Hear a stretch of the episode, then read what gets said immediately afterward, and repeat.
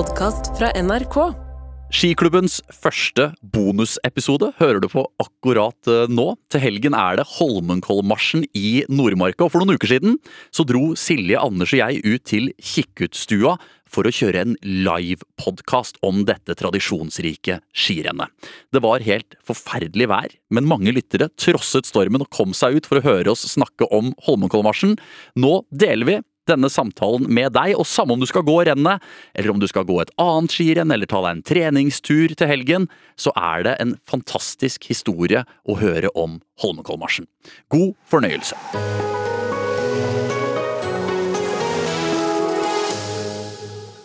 Jeg har uh, hørt om uh, livepodkaster inne uh, på Sentrum Scene. Jeg har hørt om livepodkaster inne på Samfunnet i Trondheim. Jeg har hørt om livepodkaster hvor det er godt og varmt. Kollektivtransport du kan bruke for å komme deg fram og tilbake. Men jeg har aldri hørt om livepodkast i løypekjørernes garasje på Kikkutstua i Nordmarka i Oslo. Nei, men eh, det måtte jo skje, og var det noen som skulle gjøre det, så var det oss. Det var oss, Anders og Silje. Veldig hyggelig å se dere, og fantastisk hyggelig å se altså kjemperne som har tatt turen. Det snør og regner og blåser i Nordmarka i dag. Jeg syns dere skal gi dere selv en applaus, folkens. Fantastisk hyggelig å se dere.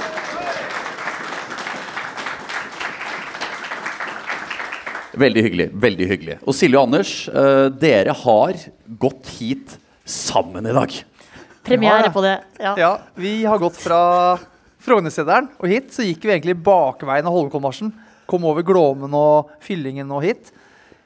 Vi sto på parkeringa, vi hoppa ut av bilen, og det var litt rufsete vær. Det blåste. Eh, så tenkte vi at det er ganske rått å gå inn til Kikkut og ha en podkast der nå. For det er, de som kommer, de er glad i å gå på ski. Og det er vi òg. Og Ja. det blei en fin skitur. Eller hva? Det syns jeg. Hva syns du, Silje?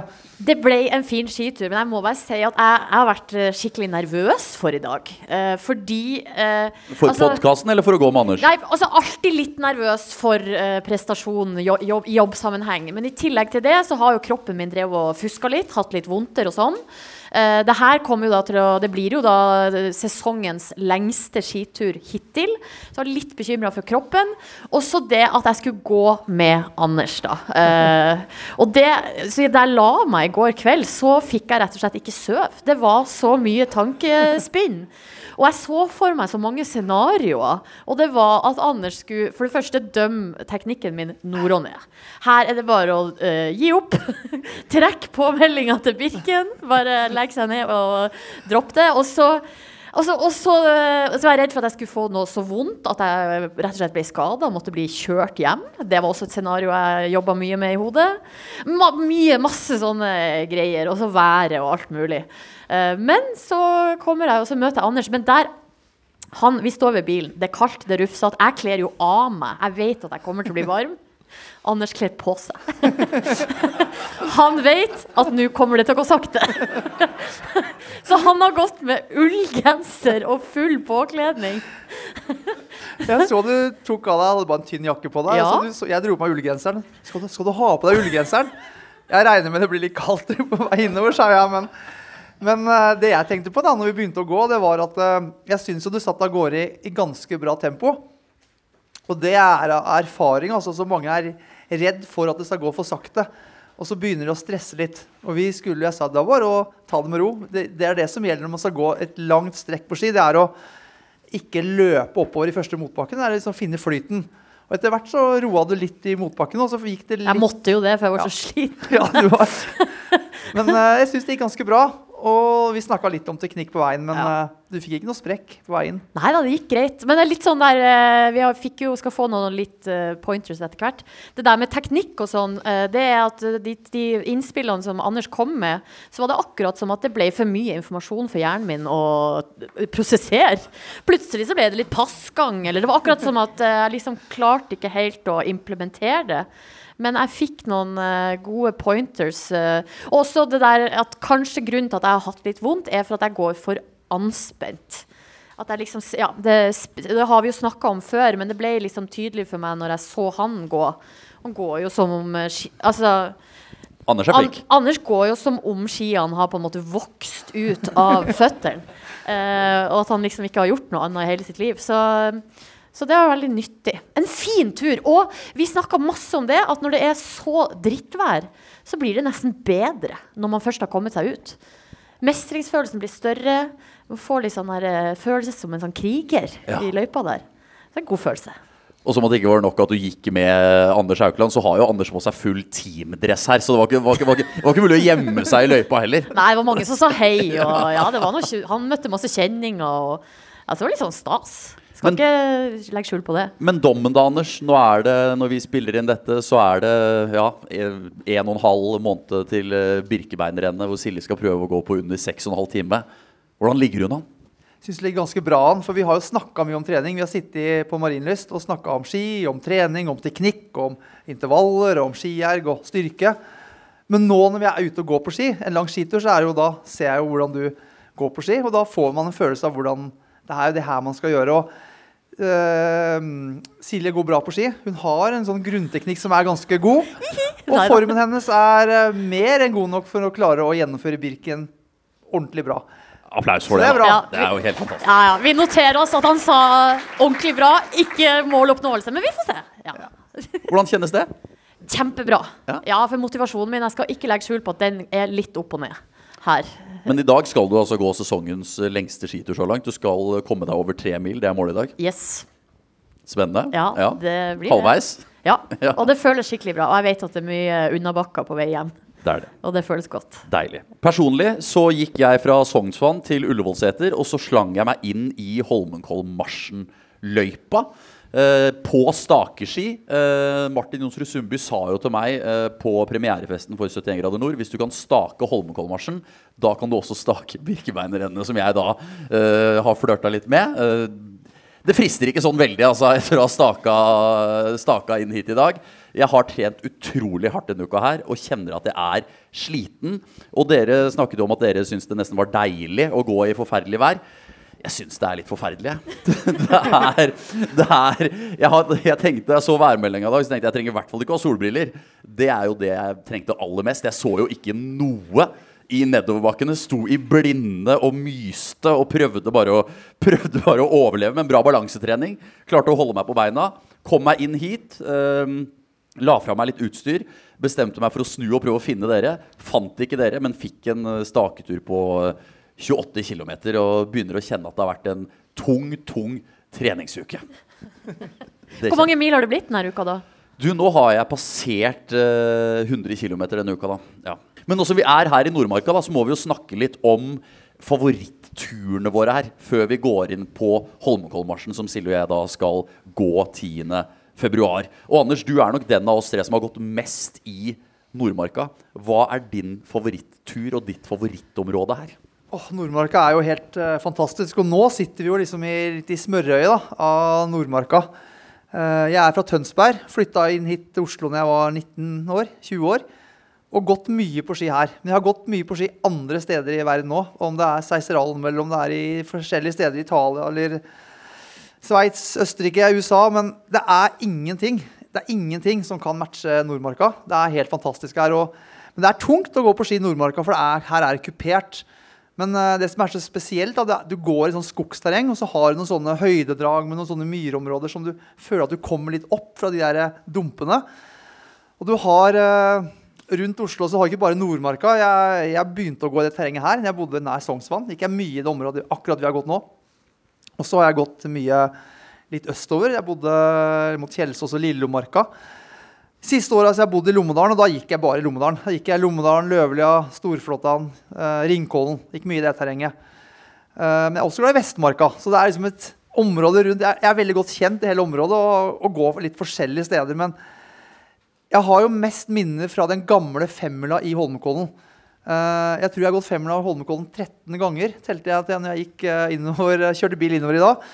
Eh, jeg, har gått faktisk fem ganger den gamle 2 ganger 25 som var fram til jeg tror 1997 var siste året. Jeg gikk første gang i 93. Da var det to ganger 25 km. Starta man i Holmenkollen og gikk eh, ut eh, Snudde rundt på Glåmene, tilbake, om, eh, tilbake og runda i Holmenkollen. Hadde én runde til på 25 km. Det var spesielt. så det det er nok de, det min sterkeste minnet fra Nordmarka er den der 25 km i Holmenkollen. Beste femmila du hadde da i Holmenkollen, husker du det? Eh, Jeg har to andreplasser. Jeg har ikke vunnet Femmila men jeg har to andreplasser i, i, på Femla. Så det er et stort renn å gjøre det bra i, ja. Så det var gøy å gå. Hva med deg, Silje? Din favorittur? Å, jeg trodde du skulle spørre hva tida mi på Din på femmila i Kollen? Din plassering? Nei, Jeg var jo på middag med Niklas Dyrhaug i går. Uh, Snikskryt. Ok, Hvor, Hvorfor det? Nei, det var, vi har felles uh, venner, og så bare ble det sånn. Ja, Så det var flere der? Ja, ja, ja. Det var ikke, det var ikke bare meg og han, nei. Uh, nei, men du skjønner at nå jeg, jeg trekkes jo mot et miljø her. Uh, Noe har jo skjedd med meg etter jeg har blitt med i skiklubben. Men eh, det året jeg gikk uh, femmila i Kollen Du har jo gått femmila i Kollen! Ja! jeg det! Hadde glemt En gang har jeg gjort det. Og da kom eh, Niklas Dyrhaug på niendeplass, tror jeg han sa. Og så spurte jeg hvor lang tid han brukte. Nei, da var det to og en halv time eller noe sånt. Og så brukte jo jeg sju og en halv time, da. Eh, men jeg er veldig stolt over den tida. Absolutt. Det er jo tyngre å være ute i 7,5 enn 2,5 time. Ja, absolutt. Jeg er imponert at du gjennomførte Femmila Kollen, for der er det kupert, altså. Veldig. Ja, og det var jo den nye traseen, da. Så de seks rundene der på ja, åtte kilometer, eller hva det er. Men eh, nei, min favorittur Jeg tenkte at jeg skulle foreslå en litt sånn chill tur. Det har hadde vært veldig gøy om Family i også var ditt favorittminne. Nei. Det var det beste dagen du hadde hatt. uh, nei, jeg vil si Altså, det er veldig mange gode minner, men um, et minne som Eller det er en tur da som jeg liker veldig godt. Det er jo å ta toget Gjøvikbanen opp til Movan. Og det her er sånn typisk hvis man Der er det jo mange veier man kan gå. Du kan gå tunge turer, du kan gå lette turer. Men jeg kjenner at hvis jeg liksom er sliten, kanskje til og med fyllesyk liksom egentlig, Men så er det bare så godt å komme seg ut. Da er det å ta toget til Movan, og så bare skli tilbake til Kjelsås med sola i fjeset. Det er digg. Det er den beste Ja. kuren for fyllesyke. Ja, men da har man vært ute i kanskje 10-12 altså det 10-12 kilometer, da.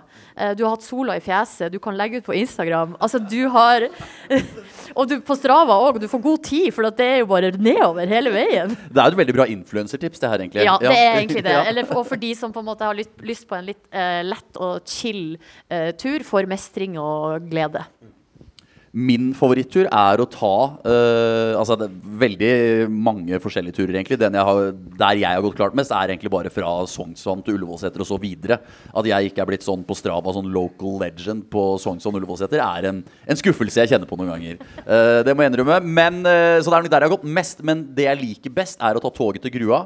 Og så gå over mylla og så kjøre en over femmilstur til Sognsvann. Fordi hver gang jeg går der, så har jeg vært heldig med været. Og hver gang jeg har gått der, så har jeg tenkt dette er verdens fineste skitur. Det kan ikke eksistere en skitur i verden som er finere enn den skituren jeg går akkurat her og nå.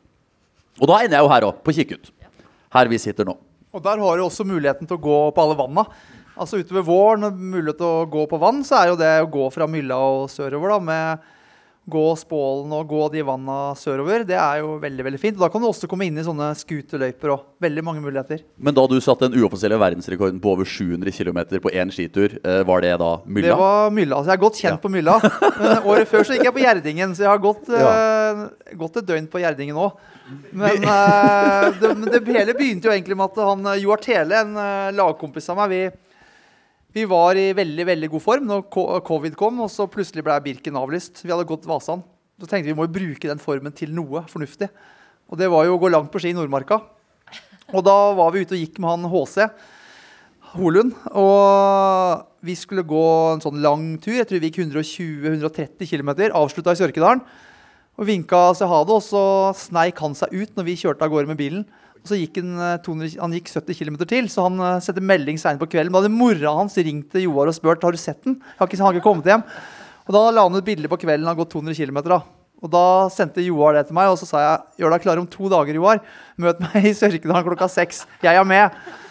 Og da møtte vi opp da med en liten sånn backpack-ryggsekk og masse sjokolade og litt uh, å drikke. Og så gikk vi fra Sørkedalen så gikk vi rundt i hele Nordmarka. Da gikk vi liksom Vi gikk eh, mye på vann. da. Vi La på noen ekstra runder på hvert eneste vann. Gikk vi på Søndre Heglivann og Nordre Heglivann, la vi kanskje inn fem runder på hver. Og så gikk vi videre. Gikk ned Storflåttan, gikk noen runder. Vi gikk til Gjerdingen, gikk noen runder. Gikk til Mylla, gikk noen runder. Gikk over Bislingen. Jeg tror vi gikk opp om Ringkollen. Så gikk eh, hele Nordmarka. Og så gikk vi ned til bilen. Da var klokka ni på kvelden. Og da møtte vi han der milslukeren, han som er kjent for å gå veldig mye på ski. Da hadde han sett oss flere, Vi hadde passert han flere ganger i løpet av den dagen. da. Og da, da sa han at det, har gått en bra skitur, ja. ja. Vi har bare ni mil igjen, sa vi. For da satt vi inne i bilen og spiste litt. For vi hadde blitt utfordra om vi klarte å gå 360 km på et døgn der, da. Så da gikk vi ut på ski på kvelden, da var det seigt å gå bakkene fra Sørkedal. Altså. Var, da, da begynte liksom å kaste opp litt, faktisk. For da hadde vi proppa i oss masse mat vi hadde gått i 12-13 timer. Og så gikk vi ni mil til. og De mila de gjorde vi oppe på Heglevann. Og så gikk vi oppom Løvlia, for der er det veldig fint, syns jeg. da. Og så gikk vi ned til bilen og var ferdig klokka tolv. Og da hadde vi gått 360 km i Nordmarka i kupert terreng. Og det, det er nok kanskje det mitt beste minne ja, fra Nordmarka. For det å komme opp på Løvlia der klokka 11 på kvelden og føle at nå har vi, nå har vi kilometerne, nå skal bare gli ned til Sørkedalen, det var litt uh, god følelse. Men så denne uoffisielle verdensrunden, vi har snakka om den før. Uh, men hvor lang var da runden dere gikk om igjen og om igjen? og om igjen? Da gikk vi på mylla, og da gikk vi for å gå lengst mulig. For da skjønte vi at det går an å gå mye lenger hvis vi går flatt og hadde fint føre. Vi gikk på mylla, det var Joar Tele med. Uh, Simen Østensen var med, og vi begynte klokka seks om morgenen. Og vi gikk rundt hele mylla. Jeg tror det er 10-12 km rundt vannet. Staka ene veien og skøyta andre. Staka og skøyta for å variere litt. Og Så gikk vi tre runder og tok vi en kort stopp, kanskje tre-fire minutter. Og så bare bytta drikkebelte og spiste litt. Og så sånn det gående. det høres helt sykt kjedelig ut. Du kommer inn i en sånn boble, så du begynner å telle kilometer. Og bare går og går. Og så kom det noen innom og slo følge med oss litt. Og men det, det beste følelsen, det er å gå, og sola går ned, og så blir det mørkt, og så plutselig er det midt på natta, så går du med hodelykter, og så er det en spesiell stemning på natta. Når du er ute på natta, er det en sånn spesiell stemning. Og så blir du ganske trøtt og sliten, og så plutselig så, og kald. Og så plutselig så kommer liksom lyset og sola opp, og så blir du, får krefter igjen. Det var veldig rart. Jeg kom på nå, og det er jo et, et sterkt minne. Det er, jo, ikke, det er jo ikke i nærheten av noe sånn som Anders og sånn holdt på. Men eh, det er et minne her fra Kikkut, faktisk. Fordi at jeg var her eh, med en, eh, altså en kjæreste hadde gitt meg i, jul, i gave at vi skulle gå hit til Kikkut og eh, overnatte her. Treretters middag og alt sånn. Det skulle jo være en sånn romantisk tur, det her, da. Og da eh, For det første så var jo skituren var litt sånn så som så, fordi at snøen hadde begynt å forsvinne, så vi måtte jo da ta av oss skiene noen plasser og gå. Så litt sånn rocky start. Og så kommer vi hit, fram hit, og da er det jo kjempegod følelse fordi man har kommet fram. Um, og liksom skifta og ordna oss og skal gå ned til middag. Og da er det jo nydelig mat, kjempefin stemning. Altså, det er jo så flott her.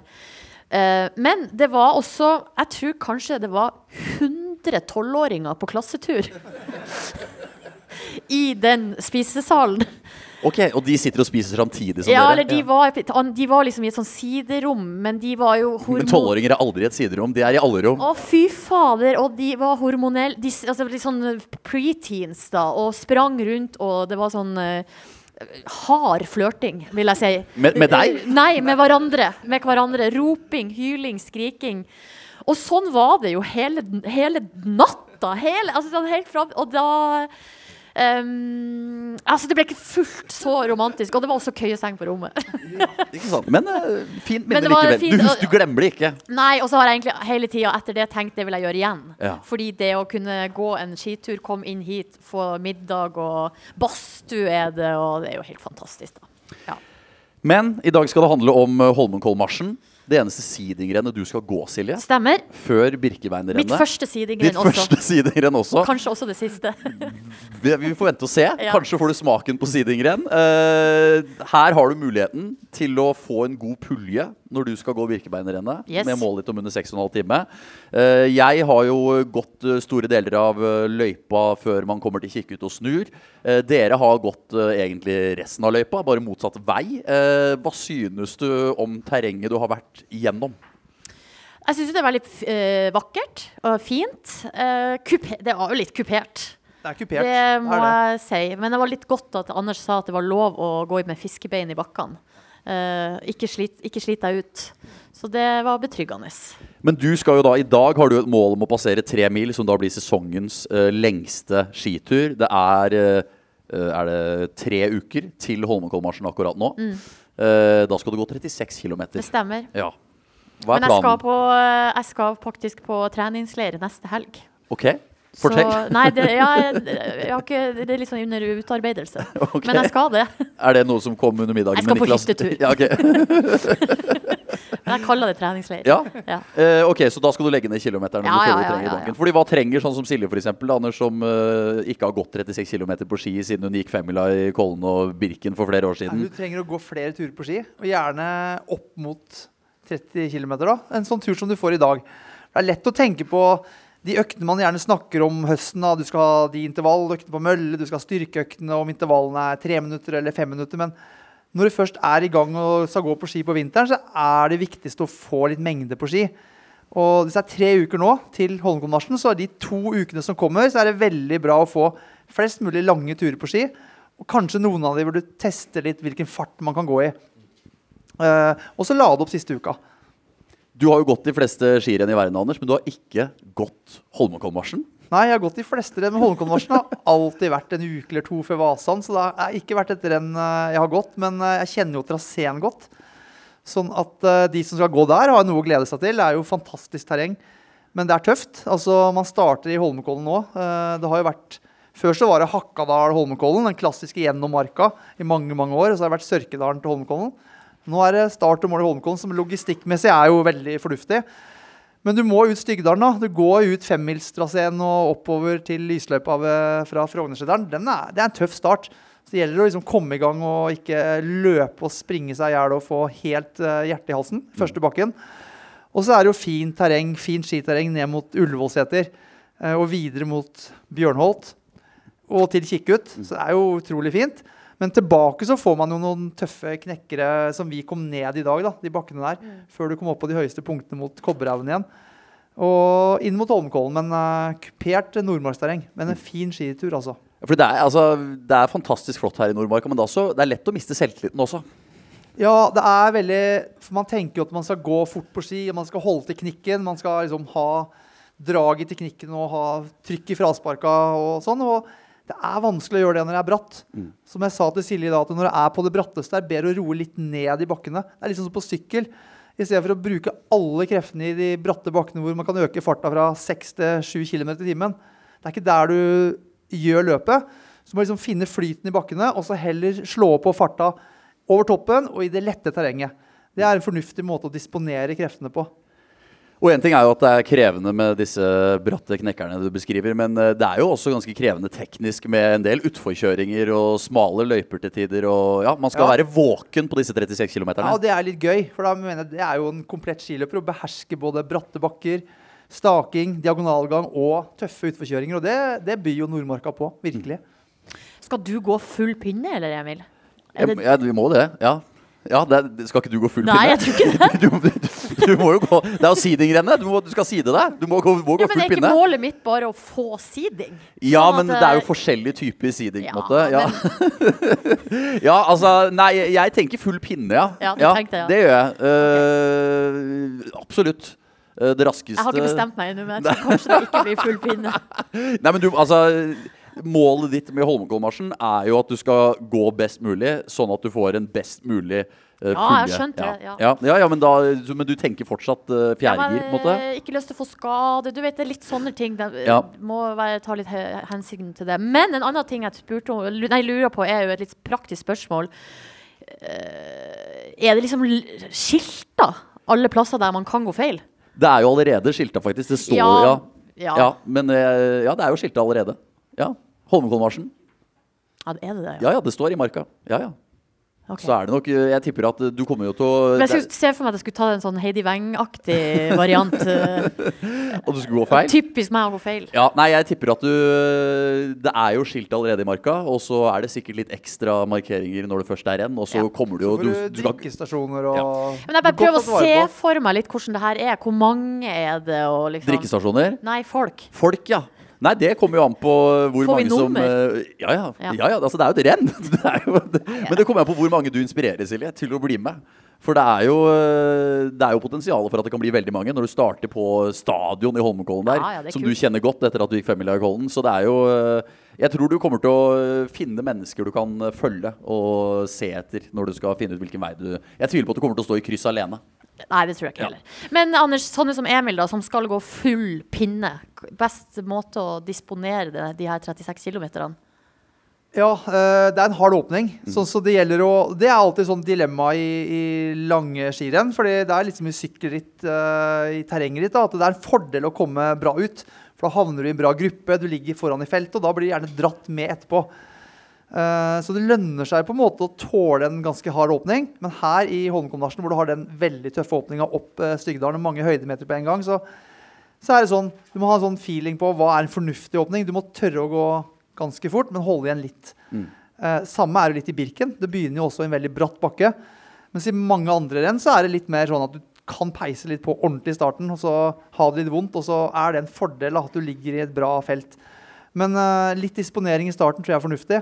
Når du først er i gang og kommer deg mot Ullevålseter, så, så er jo ikke distansen så lang at du skal gå holde igjen og holde igjen, men da tror jeg du kan tørre å gi på litt. Eh, distansen er til sammen 36, og det er klart når du dobler det og nærmer deg Marcialonga og Vasan, så er det enda mer disponering det handler om. Her er det, her er det lov å gi gass, altså bare du overlever den første bakken. Men uh, hvor uh, sterk og rutinert skal man være hvis man skal stake Holmenkollmarsjen? da? Ja, da skal du være på et høyt nivå hvor du eh, Hvor du staker mye. Silje ler. Hvorfor ler du? Nei, jeg ler av deg. Jeg syns du er artig og søt og rar. For de aller fleste så går det jo ganske mye fortere i så bratte motbakker. da. Det her er både bratte og litt lange motbakker. uh, hvor det går fortere å gå med feste. For de fleste. Men for de som er uh, godt trent for å gå lange skirenn, og som driver med staking, så går det faktisk fortere å stake. Jeg tror definitivt eh, jeg kommer til å gå raskest eh, med festesmøring i Holmenkollmarsjen. Men så er jo bare spørsmålet siden eh, Altså Silje har jo Holmenkollmarsjen som eneste sidegren, så du må jo på en måte Du må legge all innsatsen der. Mens jeg skal jo gå veldig mange skirenn. Og i tillegg så får jeg jo sannsynligvis et godt startnummer gjennom laget jeg nå har, har signert for. Ja. Men da er det jo mulig å bruke Holmenkollmarsjen som en veldig hard treningsøkt. på en måte er jo Absolutt. ja. Og det er jo sånn Den beste treninga man kan gjøre for et skirenn, er jo å gå andre skirenn. Uh, og så er det jo gøy. Det er gøy å komme til tilrettelagt løype, drikkestasjoner, topp preppa, få på startnummer. Og så man ta det for det det er. Noen har jo høye ambisjoner i det rennet, men det er jo en det blir jo en rå skitur, selv om du har på deg startnummer. og Ta det for det det er. og Det er, det er konkurranse, men det er jo også trening. Og det er eh, det beste forberedelsen man kan gjøre for å bli bedre skiløper, i hvert fall. Men én ting er altså motbakken vi har snakket om, uh, utforkjøringene. Eh, vi skal jo heller ikke undervurdere her at det kan bli eh, litt kaos med mange løpere i eh, trange løyper. Eh, man må eh, tørre å bruke stemmen her potensielt i noen utforkjøringer for å komme seg forbi.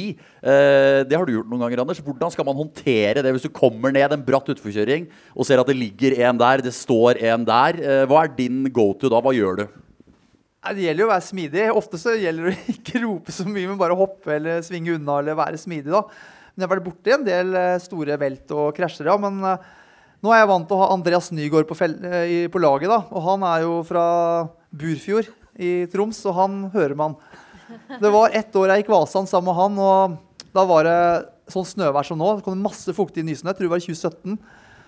Og vi kom opp første bakken, og så lå det 10 cm snø i sporet. Så det var ikke noe vits i å gå fort. Så gikk det faktisk et brudd, da. Men vi la oss langt bak. Vi lå som 100, tror jeg. Stoppa og pissa litt og tok det med ro. Og så plutselig så var vi langt bak i køen og sa til Andreas nå må vi bare komme oss opp igjen. Da gikk vi sånn kryss og tvers og bare gikk opp i feltet. Og da, da prøvde jeg å brøyte litt vei for Andreas, da. Og da var det mange med høye skuldre der eh, som så sitt snitt og ligge langt framme. Og så var det en som eh, krasja litt bort. Andreas, han begynte å kjefte litt på Andreas. Dylta litt borti inn Og han tok seg tid til å stoppe, gå tilbake og begynne å krangle med han, eh, han karen her. da, Og skjelte den litt ut før vi gikk videre. Så han har skjelt ut mange i skirenn. Høye, høy tenning der. Nei, Det gjelder å være smidig. og jeg tror i, På skirenn i Norge så går det der veldig bra. Men hvis man er på skirenn i Italia, i Marcialonga, så vil du se at eh, skiferdighetene er betydelig lavere enn i Norge. Jeg så Anders i dag. Det var jo ikke så mye folk i løypa pga. været, litt sikkert, men han er jo som ei katt. Ja. Ekstremt sånn, eh, u, sånn uanstrengt. Så det var artig å se. Men eh, katten Anders er jo så smidig og har ofte Andreas Nygaard med seg, så han trenger da ikke å bruke stemmen. Men hva skal til for at du skriker løype til noen, Silje? Nei, det kommer jeg ikke til å gjøre. Da legger jeg meg bak og tenker at uh, det var den pausen jeg fikk her nå i gave. Ja, Du tror det? Jeg tror det. Ja. Ja. Vi får se Ja. når tenningsnivået stiger. Jeg er ikke fremmed for å rope alt jeg kan. altså. Nei, hvis noen er i veien, så kan jeg si løype. Ja. ja, men bra. Nei, men da, jeg bare tenker Vi må være forberedt på det her. Fordi det er jo eh, teknisk krevende løyper hvor det skal mye folk gjennom. Så vi kommer til å møte Vi kommer sikkert til å bli ropt på. Vi kommer kanskje til å måtte rope noen for å Og det er jo sikkerhetshensyn man må ta også, bare for å gjøre folk bevisst på at det, det kan bli farlig hvis man ikke flytter seg. Ja, altså mm, Men vanlig løpekult tror jeg funker veldig bra. Vær litt smidig. Og hvis det er noen som åpenbart skal forbi deg, så kan det hende du må flytte deg òg. Se. Men ok. eh, du har sagt Silja, at du vil gå uh, Birkebeinerrennet under 6,5 time. Eh, skal du sette deg tidsmål for Holmenkollmarsjen? Nei. Hvorfor ikke? Nei, fordi det er for meg Jeg har litt sånn eh, Jeg hører på Anders som da bruker renn som trening fram mot målet, og det skal jeg også gjøre. Ok, Så målet med eh, Holmenkollmarsjen er Og, trening? ja, og få de 36 kilometerne og teste det, kjenne hvordan kroppen funker. Skal jeg selvfølgelig gå det jeg er god for, men eh, jeg, har ikke, jeg orker ikke å sette meg noe mål. Jeg, det er nok nå. det holder med den Ja, jeg kjenner ja. at eh, Ja. For presset sin del. Det må ikke bli for, for høyt. Hva tenker du om den planen, Anders? Jeg tror det er eh, bra, men jeg tror at du skal du, Jeg tror du har mer å gå på enn du tror når det gjelder å pushe deg. Men jeg tror at det, det viktigste er å finne en fin flyt fra starten og ikke åpne så hardt. Og tenke på at du skal gå fint på ski. Og Hvis du klarer å gå fint på ski og finne fin rytme og gå halve løpet, da går det an å se hva, hva, kan jeg pushe meg på, uten å tenke på tida. Men bare kjenne at eh, Ta i på slutten, men hold litt igjen i starten. Det viktigste er å gå fint på ski. Blir det trikot? Nei. Nei, det gjør det ikke. Men på Birken? Nei. Ikke trikot da heller? Jeg tror Har du gått det. bort fra det er, trikot? ja, det er for tidlig, og jeg har ikke bestemt meg. Så, så det er blankt nei på trikot på Holmenkollmarsjen, men på Birkebeinerrennet er det fortsatt potensielt Vi får se på værmeldinga. Okay. Jeg orker ikke å fryse i hjel. greit. ok, Ja. Så det er skidress. Men uh, hva med næring, Anders? Vi hadde jo nylig en episode om det, og da snakket vi jo som regel om Eller vi snakket om trening og litt uh, de lengre skirennene som man ofte går i Ski Classics, f.eks. Men Holmenkollmarsjen, som da i gåstein bare er 36 km, hva tenker du da om næring underveis, bortsett fra drikkestasjonene? Eh, med den lengden så er ikke det noen sånn stor utfordring sånn næringsmessig. Det er mye verre hvis det er dobbelt så langt. Eh, det er da det virkelig næring får store utslag. Men det å spise litt godt med karbohydrater kvelden før, eller dagen før, da, det er jo middag med mye ris eller pasta, eller eh, eh, en frokost med lett, lett frokost med mye sukker, da. Det, er, eh, det funker bra. Og så kan det være fint å ha med seg én eller to geller. Mm. Uh, og ta drikke på drikkestasjonene. Det er egentlig det, det man trenger.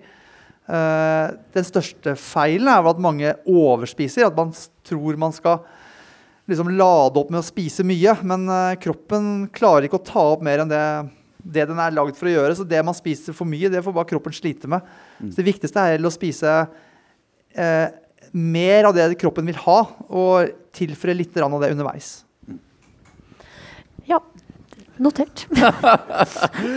Fantastisk fin gjeng som har tatt eh, turen ut til Kirkestua og løpekjørergarasjen i dag. Er det noen her som har noen spørsmål til Anders, til Silje, til hvem som helst? Er det noen som lurer på noe, som har lyst til å dele noen tanker, så er det egentlig bare å rekke opp hånda. Og så er det mulig å stille eh, spørsmål. Det er lov å si navnet sitt, det er lov å være anonym. Alt er lov. Det er ingen begrensninger. Så er det noen som har noe de tenker på eller lurer på? Her har vi en. Skal vi se. Skal jeg bare bevege meg bakover i lokalet med denne mikrofonen. Skal vi se. Der er vi. Lang ledning. Lang ledning. Ja, hei. Eh, Jeg heter Karoline. Jeg lurer på, er eh, klassisk langrenn på vei ut? Nei, det er det ikke. Eh, det var jo en sånn diskusjon på mm, 84-85, 85, tenker jeg, hvor skøytinga kom for fullt. Og da var mange redde for at det klassisk langrenn var på vei ut. Så blei det jo bestemt i World Cup at man skulle ha to stilarter. Skøyting, klassisk. Det har vært like mange renn av begge deler siden midten av 80-tallet. Og det har det vært siden. Uh, og så har jo Staking er jo en del av klassisk teknikk. Altså Når man går et skirenn i klassisk, så staker man kanskje 70-80 og så går man diagonalgang 20-30% Og så har den tekniske utviklinga i staking gjort mye med at man har blitt så mye bedre til å stake at det går an å stake veldig mange av traseene. Og det gjelder særlig i lange skirenn som er lagd for mosjonister. Altså Vasan, eh, bl.a. Marcialonga. Det er jo slake traseer. Og der eh, går det fortest å stake for de som går fort på ski. Og jeg ser på det som klassisk teknikk. Jeg syns det er ille å se på en som diagonalgang på flata, for det ser jeg gå sakte. Så for meg er jo klassisk, staking er klassisk teknikk. Og så er det jo i World Cup og Der er det lagt inn stakefrie soner som tvinger, tving, man blir tvinga til å gå diagonalgang.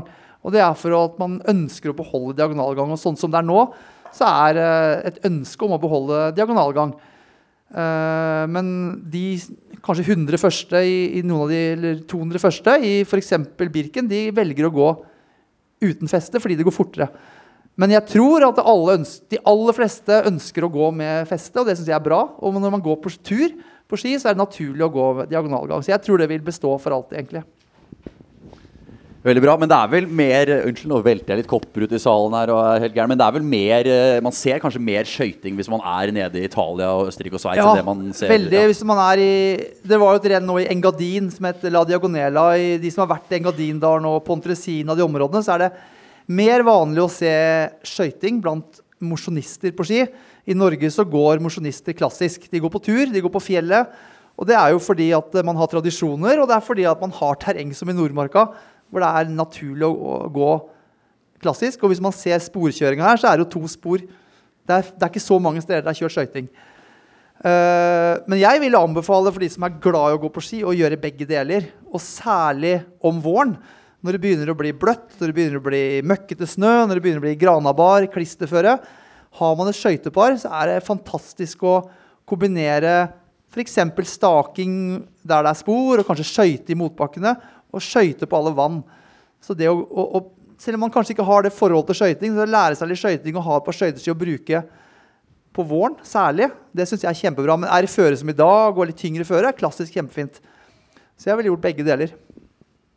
Kult. Andre som har noen eh, tanker, spørsmål, hva som helst? Skal vi se, der er de. Hei. er et spørsmål om uh, lapskaustrening. Det er liksom et sånn utskjelt begrep. Men uh, nå som det er så fantastisk fint skiføre, så finner jeg jo meg sjøl eh, på Strava å gå fort 100 km i uka. Og det blir fort, Jeg liker å gå langt, jeg liker å gå så fort jeg klarer. Og det blir mye opp i sone tre i snitt. Og det føler jeg sånn Da er jeg på den lapskaus... Uh, kategorien. Men er det egentlig så ille å drive og gå langt og to hardt uh, lenge når det er fint føre, eller bør man ha mye rolige turer? Nei, Jeg syns det er kjempebra det spørsmålet og det du sier. og altså Man må tenke altså Den beste treninga du kan gjøre, er egentlig å gå sånne turer som det der. Men lapskaustrening høres ut som det er sånn bortkasta trening, at man ikke har noe fornuftig over det. Men sånn er det ikke. Altså, Hvis man trener veldig mye og skal ha, ha muligheten til å trene så mye som du skal nå, Emil, og liksom eh, trene veldig mye, så er det kanskje viktigere å skille på den harde treninga og den rolige treninga. For hvis du trener over 15 timer i uka, og alt er ganske hardt, så orker ikke kroppen det. Men hvis du trener fem-seks ganger i uka, kanskje opptil sju, så kan det meste være ganske hardt. Eh, hvis du tenker hvordan du skal utvikle maks roteopptak, hvordan du skal kanskje bare sånn måler regn på det, så er det kanskje viktigere å kjøre mer intervaller, fire-fem minutter på fire, sånn typisk fire ganger fire, og kjøre knallharde intervaller og litt rolig trening for å ikke slite seg ut. Men for å bli bedre på et Holmenkollmarsjen, eller et skirenn, så er det å gå harde, harde, turer på ski som er mest likt, og du blir bedre av. Uh, og jeg gikk jo, jeg ser de gutta på laget òg, så de har uh, veldig mange turer som er ganske harde. Uh, langturer. Men hvis man, har, hvis man, trener mye og konkurrerer mye, så må man ha rolige turer også for å resultere, for å både få volum, mye volum, men orke å gjøre alt man gjør. Men hvis du har full jobb og trener fem, seks, syv ganger i uka, så kan det meste være ganske hardt.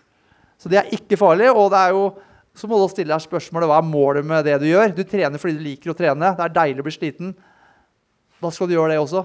Så ikke vær redd for å fortsette med det. Andre? Hei. Eh, Benoit heter jeg. Jeg kommer fra Frankrike. Og i Frankrike det er mer fristil som gjelder.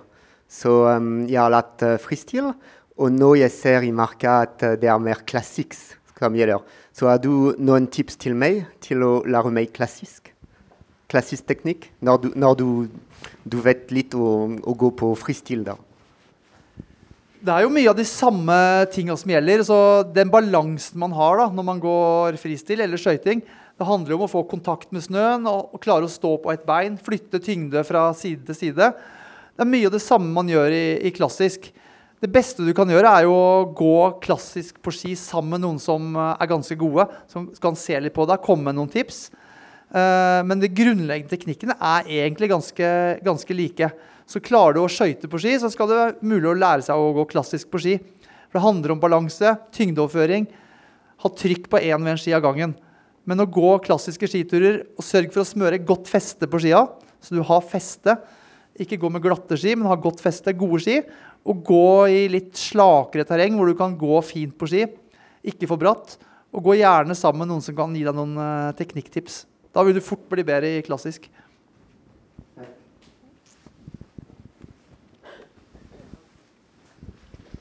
Ja, det er Kristian her. Jeg har egentlig et tips til Silje spesielt. Og det er når du går eh, skirenn, og spesielt andre halvparten av skirenn, når folk begynner å bli veldig slitne så lønner det seg å snakke til den personen foran deg. Hvis du har noen foran deg som vifter med staven eller ser ut som de er i ferd med å ramle, så kan du si 'kommer forbi på høyre side', 'kommer forbi på venstre side'.